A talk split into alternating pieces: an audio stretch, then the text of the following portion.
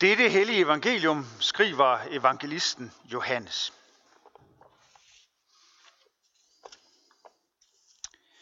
Om aftenen den samme dag, den første dag i ugen, mens disciplene holdt sig inde bag lukkede døre af frygt for jøderne, kom Jesus og stod midt i blandt dem og sagde til dem, Fred være med jer. Da han havde sagt dette, viste han dem sine hænder og sin side. Disciplerne blev glade, da de så Herren. Jesus sagde igen til dem, Fred vær med jer. Som faderen har udsendt mig, sender jeg også jer. Da han havde sagt det, blæste han ånde i dem og sagde, Modtag Helligånden. Forlader I nogen deres sønder, er de dem forladt. Nægter I at forlade nogen deres sønder, er de ikke forladt. Thomas, også kaldet Didymos, en af de tolv, havde ikke været sammen med dem, da Jesus kom. De andre disciple sagde til ham, vi har set Herren. Men Thomas sagde til dem, hvis jeg ikke ser navlemærkerne i hans hænder, og stikker min finger i navlemærkerne, og stikker min hånd i hans side, tror jeg det ikke. Otte dage efter, og der er vi så nået til første søndag efter påske, var hans disciple atter samlet, og Thomas var sammen med dem. Da kom Jesus, mens dørene var lukkede, og stod midt i blandt dem og sagde, Fred vær med jer. Derpå sagde han til Thomas, Ræk din finger frem, her er mine hænder. Ræk din hånd frem og stik den i min side, og vær ikke vantro, men troende. Thomas svarede, min Herre og min Gud. Jesus sagde til ham, du tror, fordi du har set mig. Salige er de, som ikke har set og dog tror. Jesus gjorde også mange andre tegn, som hans disciple så. Dem er der ikke skrevet om i denne bog. Men dette er skrevet, for at I skal tro, at Jesus er Kristus Guds søn, og for at I, når I tror, skal have liv i hans navn. Amen.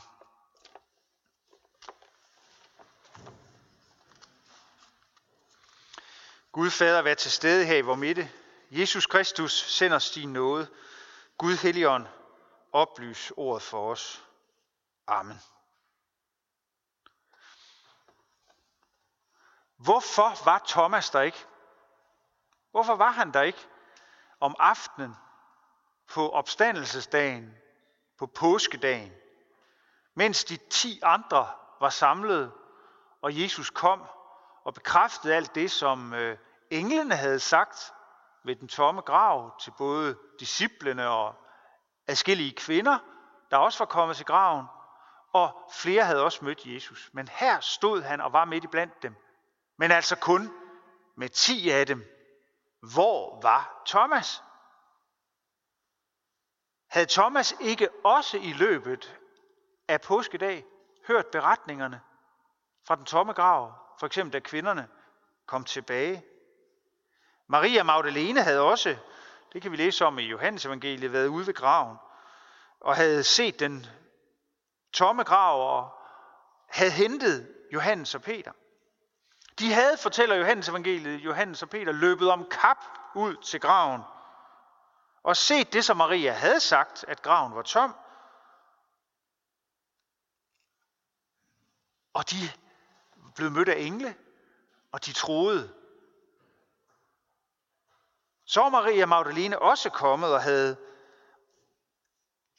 og så fortalte hun dem, at hun havde set og talt med Jesus selv. Da hun først mødte manden i haven, havde hun troet, det var havemanden, og hun var ude af sig selv over, at graven var tom, for hvor har de taget min herre og lagt ham? Men så havde havemanden, som ikke var nogen havemand, set på hende og sagt, Maria, og så havde hun set, at det var Jesus. Det havde hun så drønet hjem og fortalt Peter og Johannes om, som jo altså selv havde haft deres oplevelse derude. De har talt en hel masse sammen, kvinderne og disciplene, alle de her mennesker. Vi hørte jo også i mandag som vandrene fra Emmaus, der havde mødt Jesus på deres vandring.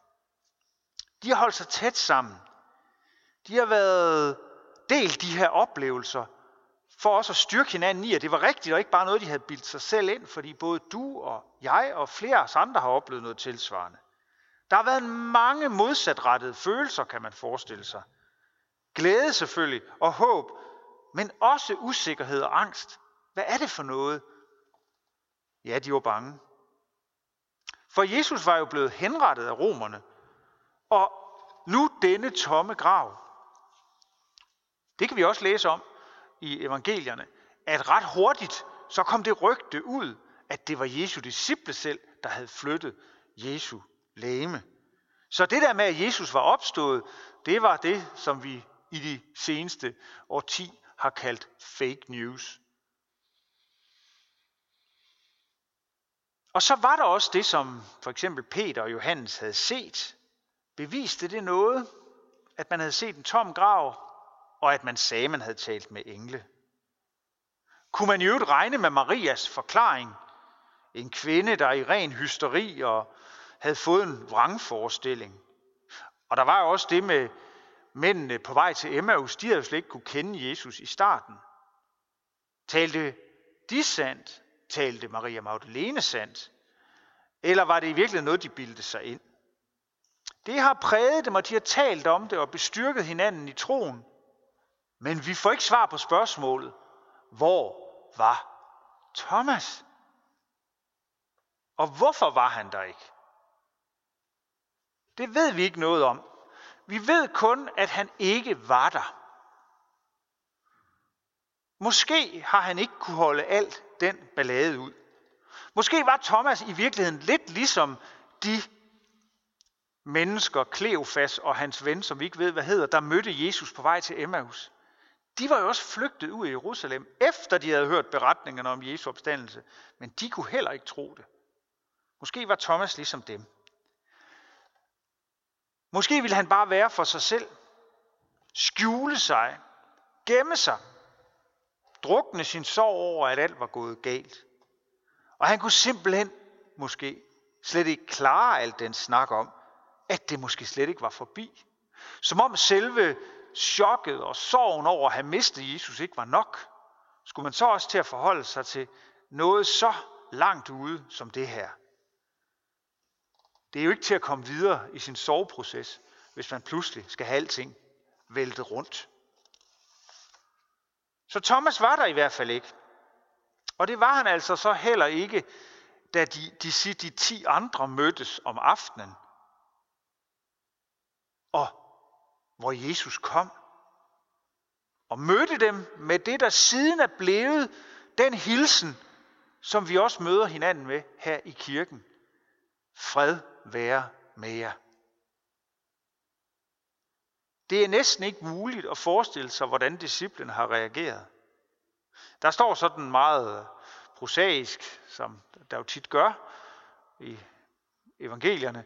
De blev meget glade, da de så Herren. Ja, må ikke de har været helt ekstatiske? Må ikke der både har været tårer og kram? Hvem ved? Men endnu mere vildt er det, Jesus siger til de ti disciple her. Han siger til dem, jeg sender jer ud på en opgave. Jeg giver jer min fred. Modtag helligånden. Han blæser liv i dem. Han fortæller dem, at Guds egen ånd vil være med dem og give dem mod og kræfter. Også til at forkynde tilgivelse for folk. Folk, der vil høre. Men altså også kraften til at sige, hvis folk ikke vil høre, jamen tilgivelsen, den rækkes til mennesker, der vil modtage den. Det er helt enormt. De møder Jesus, og sammen med glæden bliver de udrustet og får en stor opgave at gå på. Da Jesus han så øh, forlader dem igen, der må de have været helt op og køre. Se, nu er det så interessant, at Thomas, som altså er uvist af hvilke grunde, men vi kan vi gætte os til, at han har holdt sig væk fordi han ikke kunne klare det. Han er alligevel kommet tilbage til dem. For man kan jo heller ikke holde til at være alene hele tiden. Og Thomas har mødtes med dem, og de ti andre har fortalt ham, de har måske råbt i munden på hinanden, og fortalt, at Jesus er virkelig opstået, for nu har vi mødt ham. Men Thomas, han kan ikke. Han vil ikke, og han tør ikke tro det. Det må have været enormt frustrerende for de øvrige disciple. Nu har de lige fået at vide, modtag Helligånden, og min fred er med jer. Men ikke engang deres egen ven kan de få til at tro på, at Jesus er opstået. Jamen Thomas, vi så det selv. Vi hørte ham. Du tror da ikke, det er noget, vi bilder os selv ind og prøver at bilde dig ind. Tror du, vi lyver? Kan du ikke se, hvor begejstrede vi er? Jamen Thomas, hvorfor vil du ikke tro? Thomas kan ikke, han vil ikke, og måske tør han ikke. Og så er det altså blevet første søndag efter påske, den dag vi har i dag, og læg mærke til, at Thomas nu er sammen med dem. Så på trods af alle sine forbehold, sin modstand, sin frustrerende modstand, så er han altså ikke forladt sine venner. Han er der hos dem. Han kunne trods alt ikke holde til at være alene og være isoleret. Og så kommer Jesus igen på det, man siden har kaldt Herrens dag, søndagen. Og Jesus taler straks til Thomas. Han opfordrer ham til at gøre det, som han efterspurgte. Mærke hans hænder og se navlemærkerne og røre dem og mærke såret i hans side. I øvrigt var det jo det, Jesus selv viste de øvrige ti ugen før. Kom og mærk mig, Thomas, og tvivl ikke mere, men tro. Men Thomas, han skal slet ikke mærke. Det er som om alle hans forbehold, hans forsvarsværker, hans is om hjertet, det forsvinder, det vælter, det smelter, og Thomas udbryder. Ja, han falder på knæ og udbryder. Det, som jo i virkeligheden er den første fuldtonede bekendelse af, hvem Jesus i virkeligheden er. Thomas siger, min Herre og min Gud. Og Thomas bliver så draget ind i flokken. En af de 11, som Jesus sender ud i verden. Og så siger Jesus til ham de berømte ord, du tror, fordi du har set, særlig er de, som ikke har set og dog tror. Og kan vi jo så tilføje, siden Thomas har vi været overladt til at tro uden sådanne beviser. Altså, Jesus står ikke på den måde lys levende foran os. Det interessante er i midlertid, at det ikke er så forskelligt for os fra, øh, i forhold til Thomas og de andre. For sidenhen, så så de jo ikke Jesus længere. Så måtte de også forholde sig til at tro på ham, uden at kunne se. Og igen, lige så vel som Thomas, og i øvrigt også i starten alle de andre, kunne sætte spørgsmålstegn ved de erfaringer og det, de selv eller andre havde set, sådan ville det jo også blive senere for discipleflokken. Og så må de hjælpe hinanden med at holde fast i det, de havde erfaret, og at Jesus havde mødt dem. Jeg tror mange af os, vi kan spejle os i Thomas og hans forbehold og hans tvivl. Vi kan være bange for bare at give os hen, og måske vil vi have med mere sikkerhed og bevis. Men det er jo blandt andet derfor, vi møder hinanden her søndag morgen og samles i gudstjenesten. Det er for at blive mødt af Jesus selv. At han faktisk står lyslevende foran os og giver sin fred. For det, som Thomas oplevede, og det, som også de øvrige disciple og kvinderne oplevede, det kan vi også erfare. At Jesus er hos os, at vi erfarer og mærker hans nærvær. At vi forstår, at han vil give os sin fred, og at han sender os ud i verden med sin kærlighed og sin fred. Det får vi jo også et hint af i den eftersætning, der er til sidst, hvor Johannes skriver, at der er sket så mange tegn, at man slet ikke kunne nævne dem alle sammen. Men at dette er skrevet for, at I skal tro, at Kristus er Guds søn, og når I tror dette, skal have liv i hans navn. Så når vi kommer her, når vi i det hele taget mødes af Guds ord, så mødes vi også af det kærlighedsbudskab, som Jesus kom med til hele verden. Og han sender også sin fred og sin tilgivelse og sin kærlighed og sender os ud i verden for at give det videre. Se, det fik Thomas at se. Og vi kan måske også lære Thomas, at selv når vi tvivler, og når vi ikke tør tro, så har det værdi at blive ved med at holde sig til fællesskabet og høre Guds ord alligevel. For det, som Thomas fik at se og mærke, det kan vi også få at se og mærke. Amen.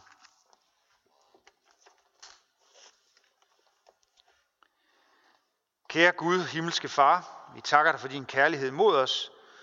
Tak, at Jesus kom til vor jord. Tak, at han levede, led, døde og opstod for os. Tak, at vi må være dem, som bliver sendt ud til verden med tro, håb og kærlighed. Vær du med os og tilgiv os, når vi fejler.